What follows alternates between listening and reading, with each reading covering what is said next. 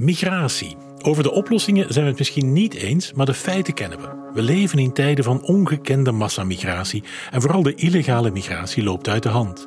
Immigratie ondermijnt bovendien onze verzorgingsstaat en we zijn nog niet aan de nieuwe patatjes, want de klimaatverandering zal tot massamigratie leiden. Enter Hein de Haas.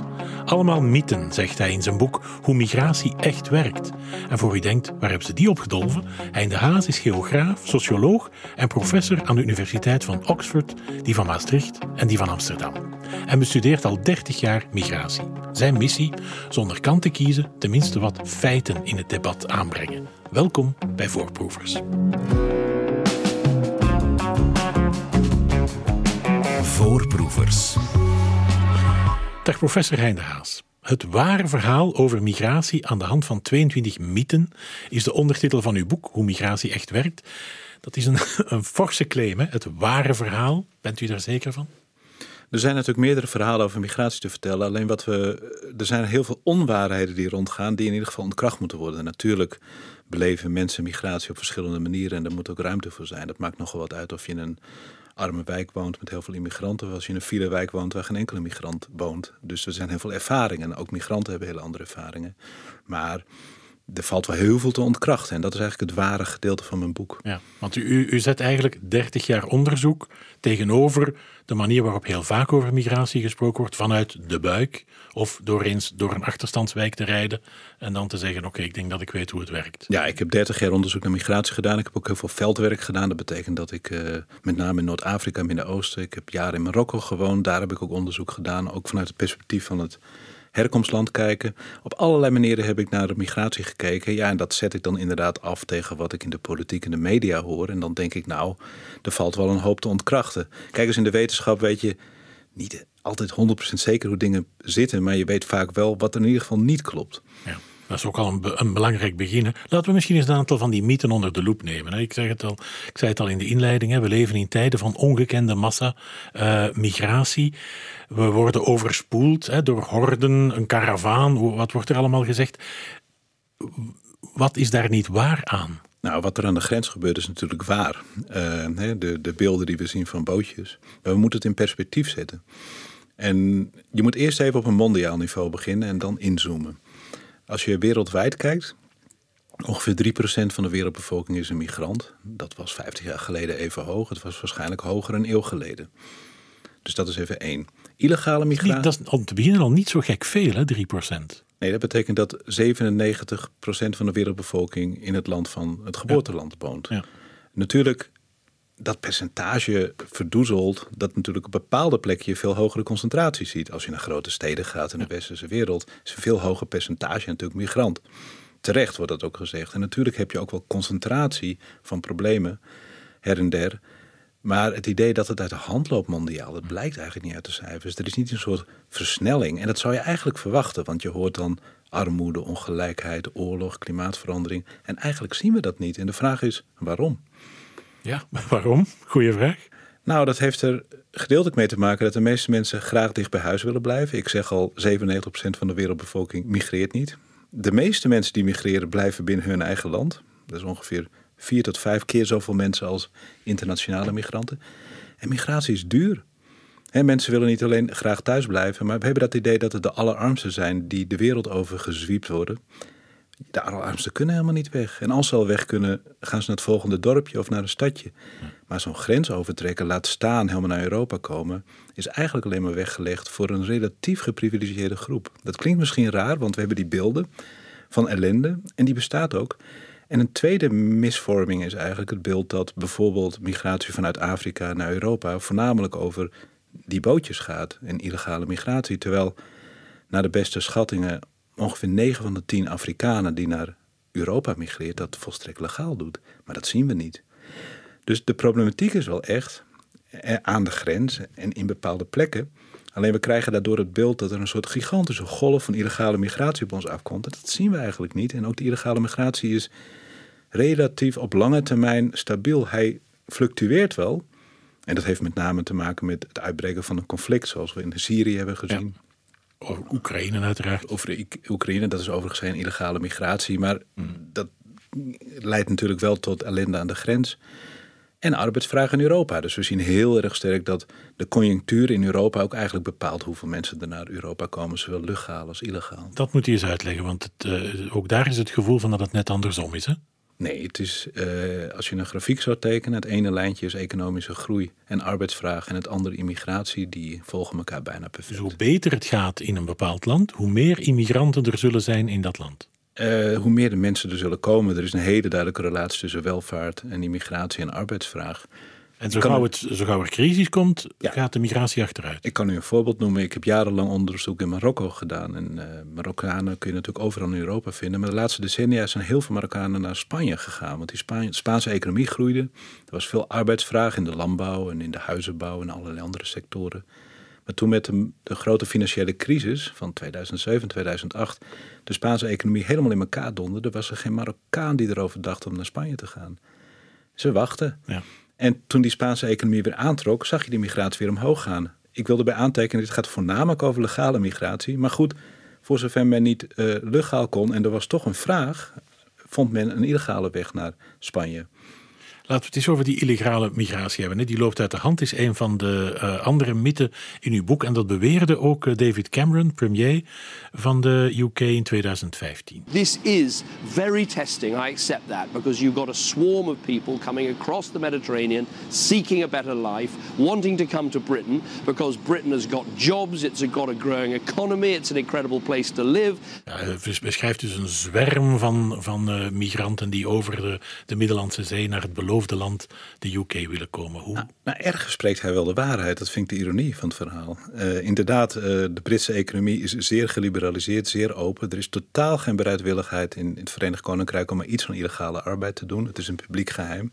Ik geloof dat per jaar in, in Groot-Brittannië minder dan tien werkgevers worden vervolgd voor het in dienst nemen van, uh, van ongedocumenteerde migranten. En de economie draait als een tierenlier zeker toen. En we hebben ook sinds Brexit gezien dat migratie recordhoogtes heeft bereikt in het Verenigd Koninkrijk. Wat, terwijl de Brexit juist was uh, ontworpen om dat af te knijpen. Wat er is gebeurd, is dat uh, de Brexit heeft een einde gemaakt aan de vrije migratie van Oost-Europeanen, waar zoveel over te doen was. Maar het heeft geen einde aan de arbeidsvraag gemaakt. En wat er is gebeurd zijn twee dingen. Aan de ene kant hebben heel veel Oost-Europeanen gedacht: ik blijf. Ik vraag een permanente verblijfsvergunning af. Ik ga helemaal niet terug. En ik laat mijn familie overkomen. Dat is in het verleden ook in België, Nederland, andere Europese landen met de gastarbeiders gebeurd. als je, dan kies je voor het zekere. Want als je denkt, ik kan misschien niet meer terug, blijf je. Maar er bleef een arbeidsvraag en dat loste zich gedeeltelijk inderdaad illegaal op.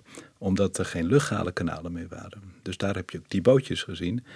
Maar de belangrijkste oorzaak van illegale migratie is wat, wat in het Engels overstaying heet. Dus dat betekent mensen die komen gewoon op een visum of een werkvergunning of als au pair binnen en blijven daarna gewoon. Dus het is een publiek geheim in, in het Verenigd Koninkrijk dat de hele sectoren, zeker in de grote steden, draaien op migrantenarbeid. Vaak ook migranten zonder papieren. Dus heel die, eh, heel die uh, missie om migranten buiten te houden met de brexit is volledig mislukt. Het is totaal mislukt, heeft totaal uh, een, een contraproductief effect gehad.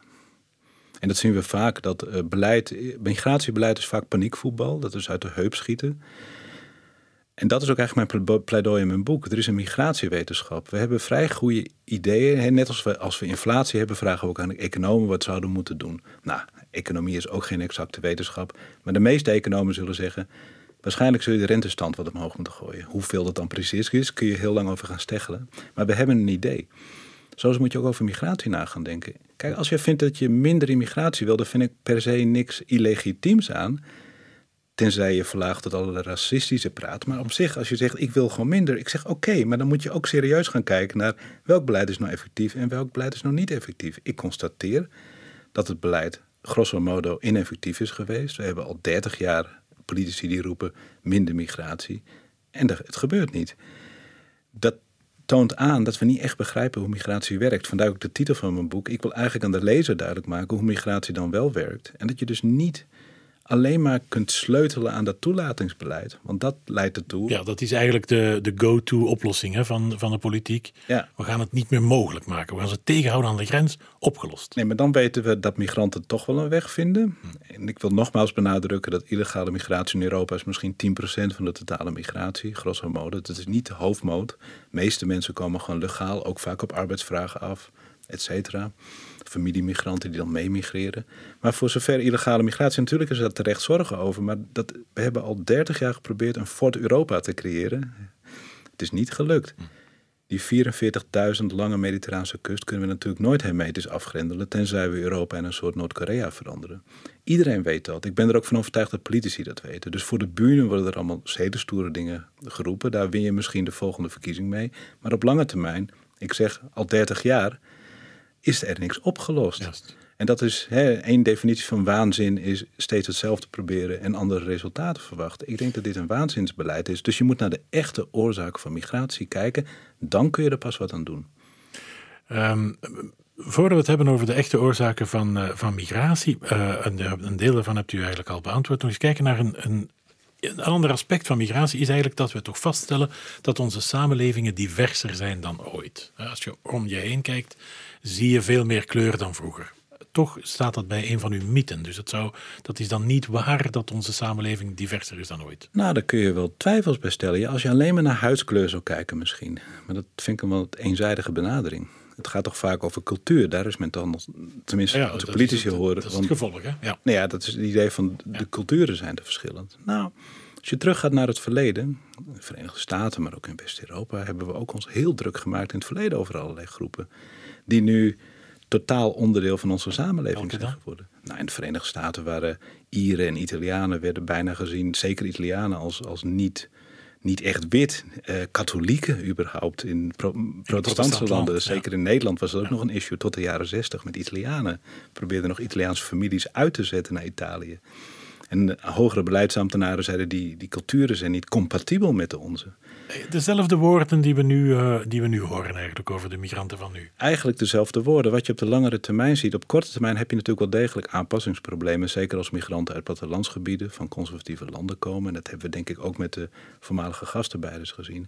Maar bij de tweede, zeker derde generatie zie je toch de assimilatie optreden. En wat je dus vaak ziet, is dat ex-migrantengroepen zich opeens tegen nieuwe migranten gaan keren. En dat is eigenlijk het punt waarop ze zichzelf natuurlijk als onderdeel van die samenleving beschouwen. En het ophaalbrugfenomeen noem ik dat. Dat is eigenlijk onderdeel van die samenleving zijn geworden. En als je naar de derde generatie kijkt, dan spreekt bijna iedereen de taal volstrekt vloeiend. Je ziet ook dat het steeds beter gaat met onderwijs en werk. Maar er zijn natuurlijk wel problemen.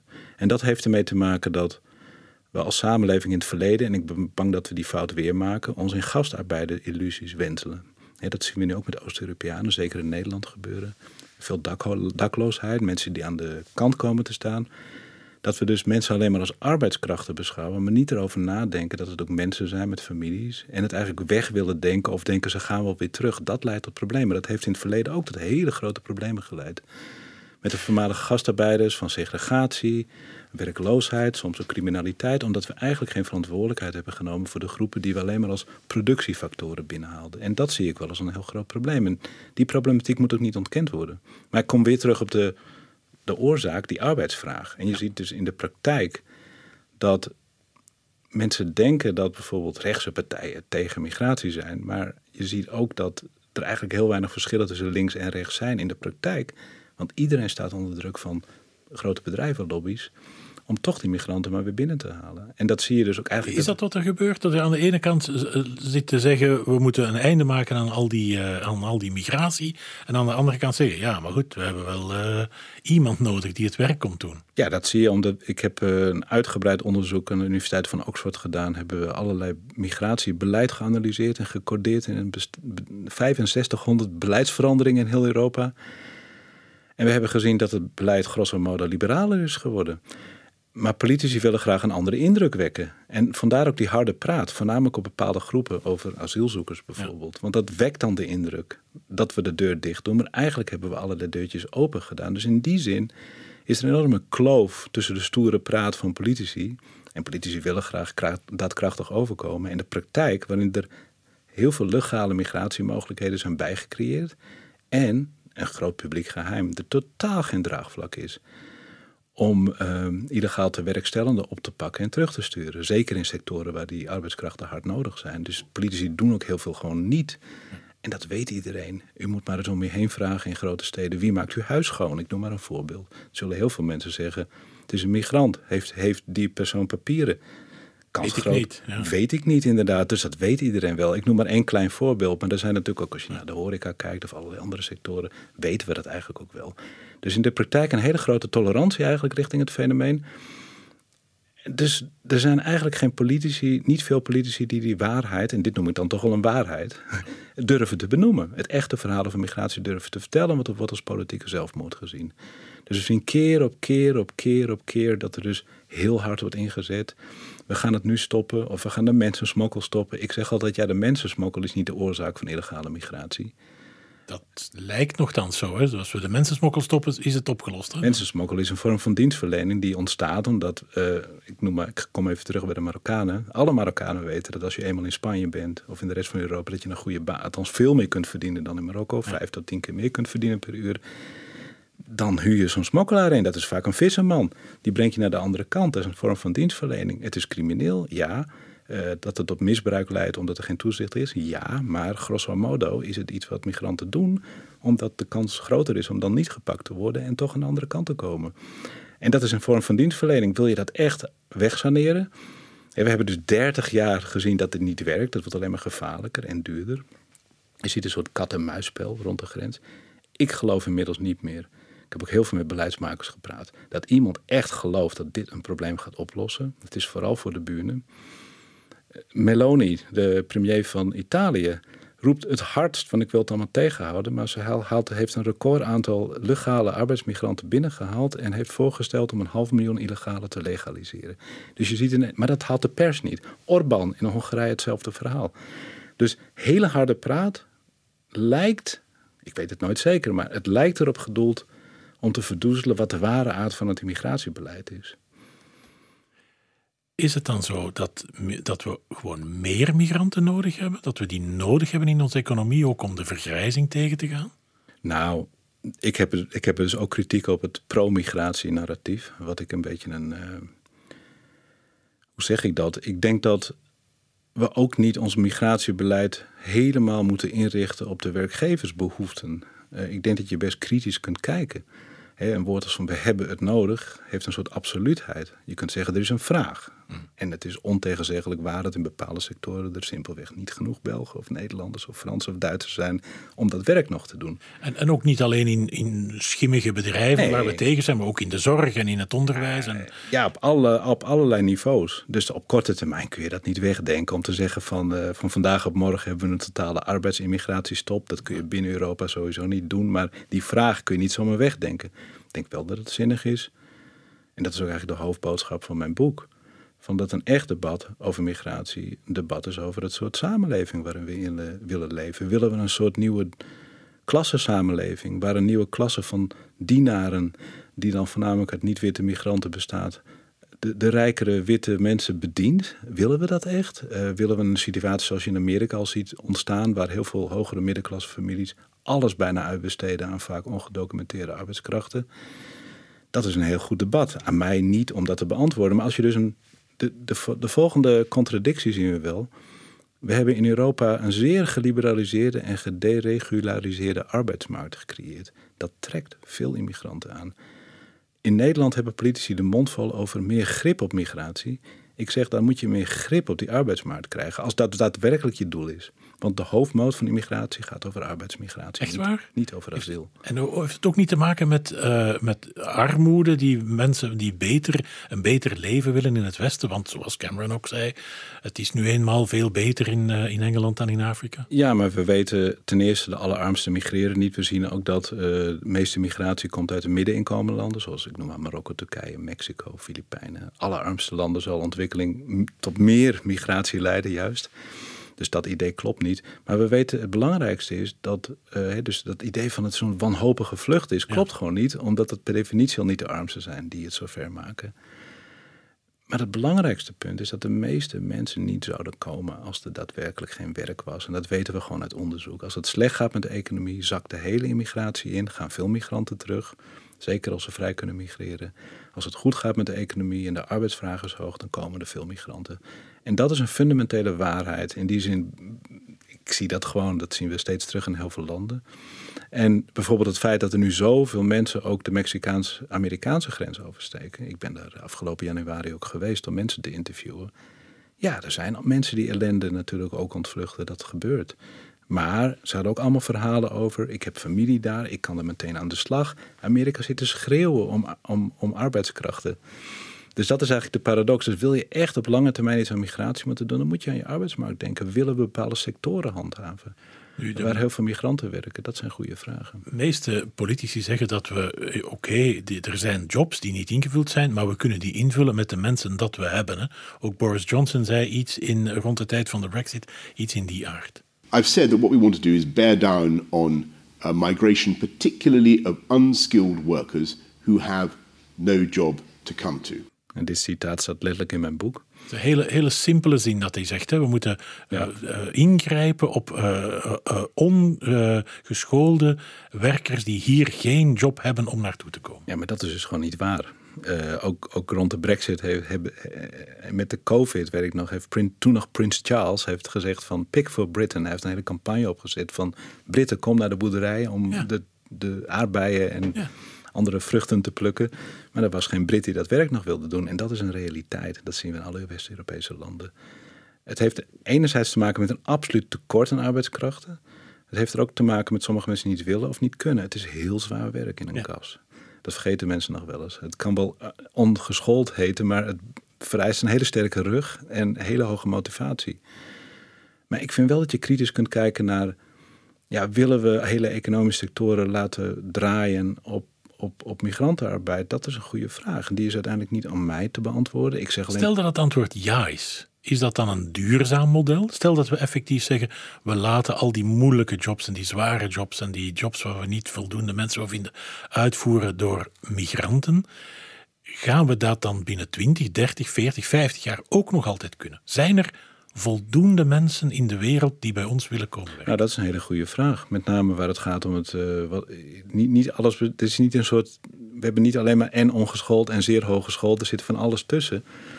Zeker met ja, het geschoolde, de geschoolde vakarbeider, laat ik het zo maar even noemen. Ja, daar kunnen we in de toekomst niet zomaar van uitgaan dat we, zoals sommige werkgevers zeggen, ik trek weer een blik Polen open. Ja. Vind ik nog wel een badinerende uitspraak in de eerste plaats. Maar uh, Polen willen steeds minder zelf migreren. Ook het migratiepotentieel van landen als Roemenië begint uitgeput te raken. Over 10, 20 jaar zal de vraag niet meer zijn: van houden ze tegen misschien, maar we halen ze in godsnaam vandaan. Dat is ook een soort luxe. En ik denk ook dat we veel kritischer moeten nadenken. Want we zijn dus weer eigenlijk bezig, denk ik. Zeker wanneer het over Oost-Europeanen, maar ook van buiten Europa arbeidskrachten gaat, weg te kijken. We kijken weg van de uitbuiting van Oost-Europeanen. We kijken ook weg van het feit we kunnen, hebben een heel sterk politiek vertoog tegen de illegale migrant. Maar we weten ook dat ook in Brussel en ook in de rest van België uh, en, en, en in Nederland en in heel West-Europa... die mensen allerlei jobs inderdaad doen waar lokaal geen mensen voor zijn. Ja, moet je zo'n model bestendigen? Ik denk dat je er heel kritisch over na moet kijken. Omdat ik met name bang ben dat je dus weer aan onderklossenvorming gaat doen... en weer dezelfde problemen gaat oproepen die we ook in het verleden hebben gehad met de zogeheten gastarbeider uit landen als Marokko en Turkije, ja. waar we ook niet echt hebben nagedacht. Heel lang hebben gedacht, die gaan wel weer terug. En toen kwam de grote ontslaggolf in de jaren 70 en 80. En toen kreeg je natuurlijk die problemen die wel degelijk echt zijn. En er moet ook niet gezegd worden, je ontkent problemen. Die waren echt, maar je moet wel begrijpen waar die uit voortkwamen. En ik ben bang dat we weer hetzelfde doen. Daarmee kun je die vraag voor die arbeid niet wegdenken. Maar het is wel enerzijds een pleidooi om goed op de lange termijn na te denken. Ja, wil je bepaalde soort arbeid en sectoren handhaven? En twee, voor die mensen die je dan, want je kunt het nooit helemaal wegdenken. Het idee dat je als zeer welvarende, vergrijzende samenleving helemaal geen migranten meer nodig zou hebben. Dat is überhaupt ahistorisch om zo na te denken. Migranten zijn er altijd geweest. Maar die mensen die je wel toelaat, moet je verantwoordelijkheid voor nemen. Dus niet wegstoppen in achterstandswijken of in migrantenhotels en denken dat ze vanzelf weer weggaan. Want dan zijn we inderdaad weer dezelfde fout op maken. We zijn trouwens toch niet de enige die dat nodig hebben. Hè? Je merkt dat ook in het Midden-Oosten. Daar hebben ze ook een grote immigratie van vaak Filipijnse uh, arbeiders. Ja. Waar we dan wel met een vinger op staan te wijzen. Je moet die wel goed behandelen hoor. Als er een stadion gebouwd moet worden in Qatar. Ja, we zien wel de balk in het oog van de buurman. Eh, wel de splinter in de oog van de buurman, maar niet de balk in ons eigen oog. Hè? Dat, dat is, ja, we hebben een hele grote mond daarover. Maar uh, we zien vaak niet misstanden in ons eigen land. En in zekere opzicht hebben wij ook uitbuiting van migranten. Uh, ook binnen de legale sector. Allerlei migranten die op tijdelijke visa hier werken. Die heel erg afhankelijk zijn van een werkgever. En dat leidt ook tot heel veel uitbuiting. Professor De Haas, u bent een eminente professor. U bent internationaal gereputeerd. U bent goed ter taal. U hebt een zeer leesbaar en duidelijk boek geschreven. Dit moet toch een gamechanger zijn in het debat over migratie. Merkt u dat? Ik heb ook in mijn boek, in mijn inleiding zeg ik ook, ik heb de hoop opgegeven dat ik door met politici en hogere beleidsmakers te praten tot echte verandering kan komen. Want politici weten vaak wel hoe de dingen in elkaar steken, althans veel beter dan het lijkt. Maar bewust benoemen ze bepaalde, heeft voornamelijk die enorme discrepantie tussen hun, hun, wat ze roepen over het tegengaan van immigratie, maar het wat ze werkelijk doen. Nou, het gevoelig zijn voor bedrijfslobby's, het, het volstrekt tolereren van illegale arbeid. Dus er zit een enorme hypocrisie eigenlijk daarin.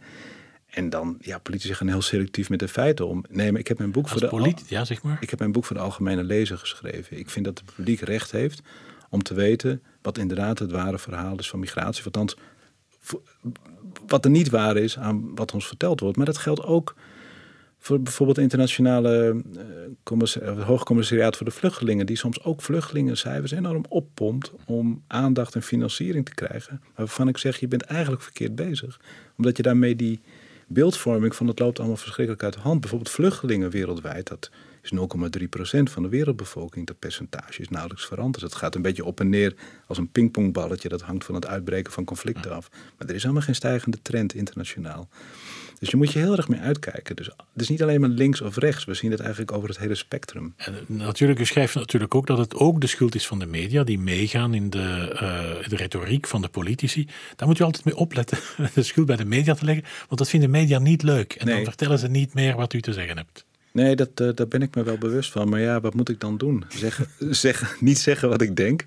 Ik merk dat dat heel gemengd aankomt. Maar um, nou, ik denk dat de media ook een opdracht hebben. En, en in die zin, er zijn heel veel hele goede journalisten. Maar je ziet wel dat bepaalde massamedia, als je bijvoorbeeld de tabloid press hebt in, uh, in, uh, in, in, in Groot-Brittannië, die een volstrekt kwalijke rol speelt hier. Dus je kan niet alle media over een kam scheren. Wat wel een dynamiek is, en dat kun je de media minder aanrekenen.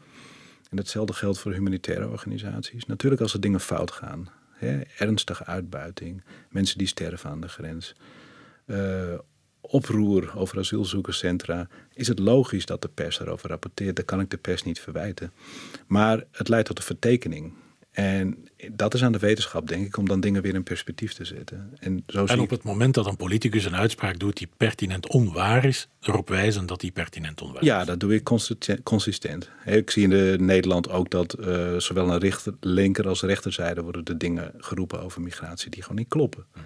Uh, eh, VVD in Nederland doet alsof het helemaal uit de hand loopt. Uh, Socialistische Partij wil een stop op arbeidsimmigratie. Waarvan ik denk, hoe wil je dat dan doen? Want dat valt eigenlijk niet te realiseren. Dus op beide heb ik dan kritiek als ik zo'n beleidsvoorstel hoor. Dus in die zin probeer ik politici zowel ter linker als rechterzijde een spiegel voor te houden. Ik vind ook dat hele frame van pro- en anti-migratie zo simplistisch. Want heeft u ooit een econoom horen zeggen: ik ben voor of tegen de economie. En zo, zo moeten we ook niet meer over migratie praten. Voor of tegen het weer. Ja, dus migratie, precies. Of, of het milieu. Dus eh, migratie heeft goede en slechte kanten. Voor sommigen komt het met heel veel voordelen. Voor migranten zelf vaak. Voor sommigen, en met name de rijkeren in onze samenleving. Het is ook een waarheid dat de lusten en lasten van migratie niet eerlijk zijn verdeeld. We weten uit economisch onderzoek dat het niet waar is dat migranten banen afpakken of massaal de lonen drukken. Of voor de woningcrisis hebben gezorgd. Dat zijn toch heel belangrijke inzichten hè, die iedereen zou moeten weten. Ja, en ze hebben daar wel een bijdrage aan geleverd. Maar we zien ook wel dat de, de, de, de hogere middenklasse profiteert met name van immigratie. Want zij nemen de diensten af en ze hebben ook vaak aandelen in bedrijven die veel winst maken dankzij immigratie. Maar de sociale gevolgen van migratie niet altijd positief, soms ook negatief, komen wel op de schouders terecht van die Lagere die, middenklasse. lagere middenklasse of de minst verdienende van de samenleving, vaak ook ex-migranten, die precies in die wijken wonen, waar je inderdaad een concentratie ook van overlast en problemen kunt krijgen. Dus in, in die zin is inderdaad uh, er reden voor zeker de minst verdienende in de samenleving om te zeggen: wat heb ik er nou aan, die immigratie? Dat vind ik ook dat je die beide kanten eigenlijk moet laten zien. Het gaat niet om pro of anti. Het gaat erom hoe werkt het inderdaad en hoe kun je het best reguleren. Maar het wegdenken of het wegwensen, want dat zien we heel veel in de politiek, ja, dat is natuurlijk geen oplossing. Er zijn geen makkelijke oplossingen voor ingewikkelde problemen. Dankjewel Hein de Haas. Uw boek Hoe migratie echt werkt is uitgegeven bij Spectrum. Dit was Voorproevers, de andere afleveringen vind je op VRT Max. Bedankt voor het luisteren.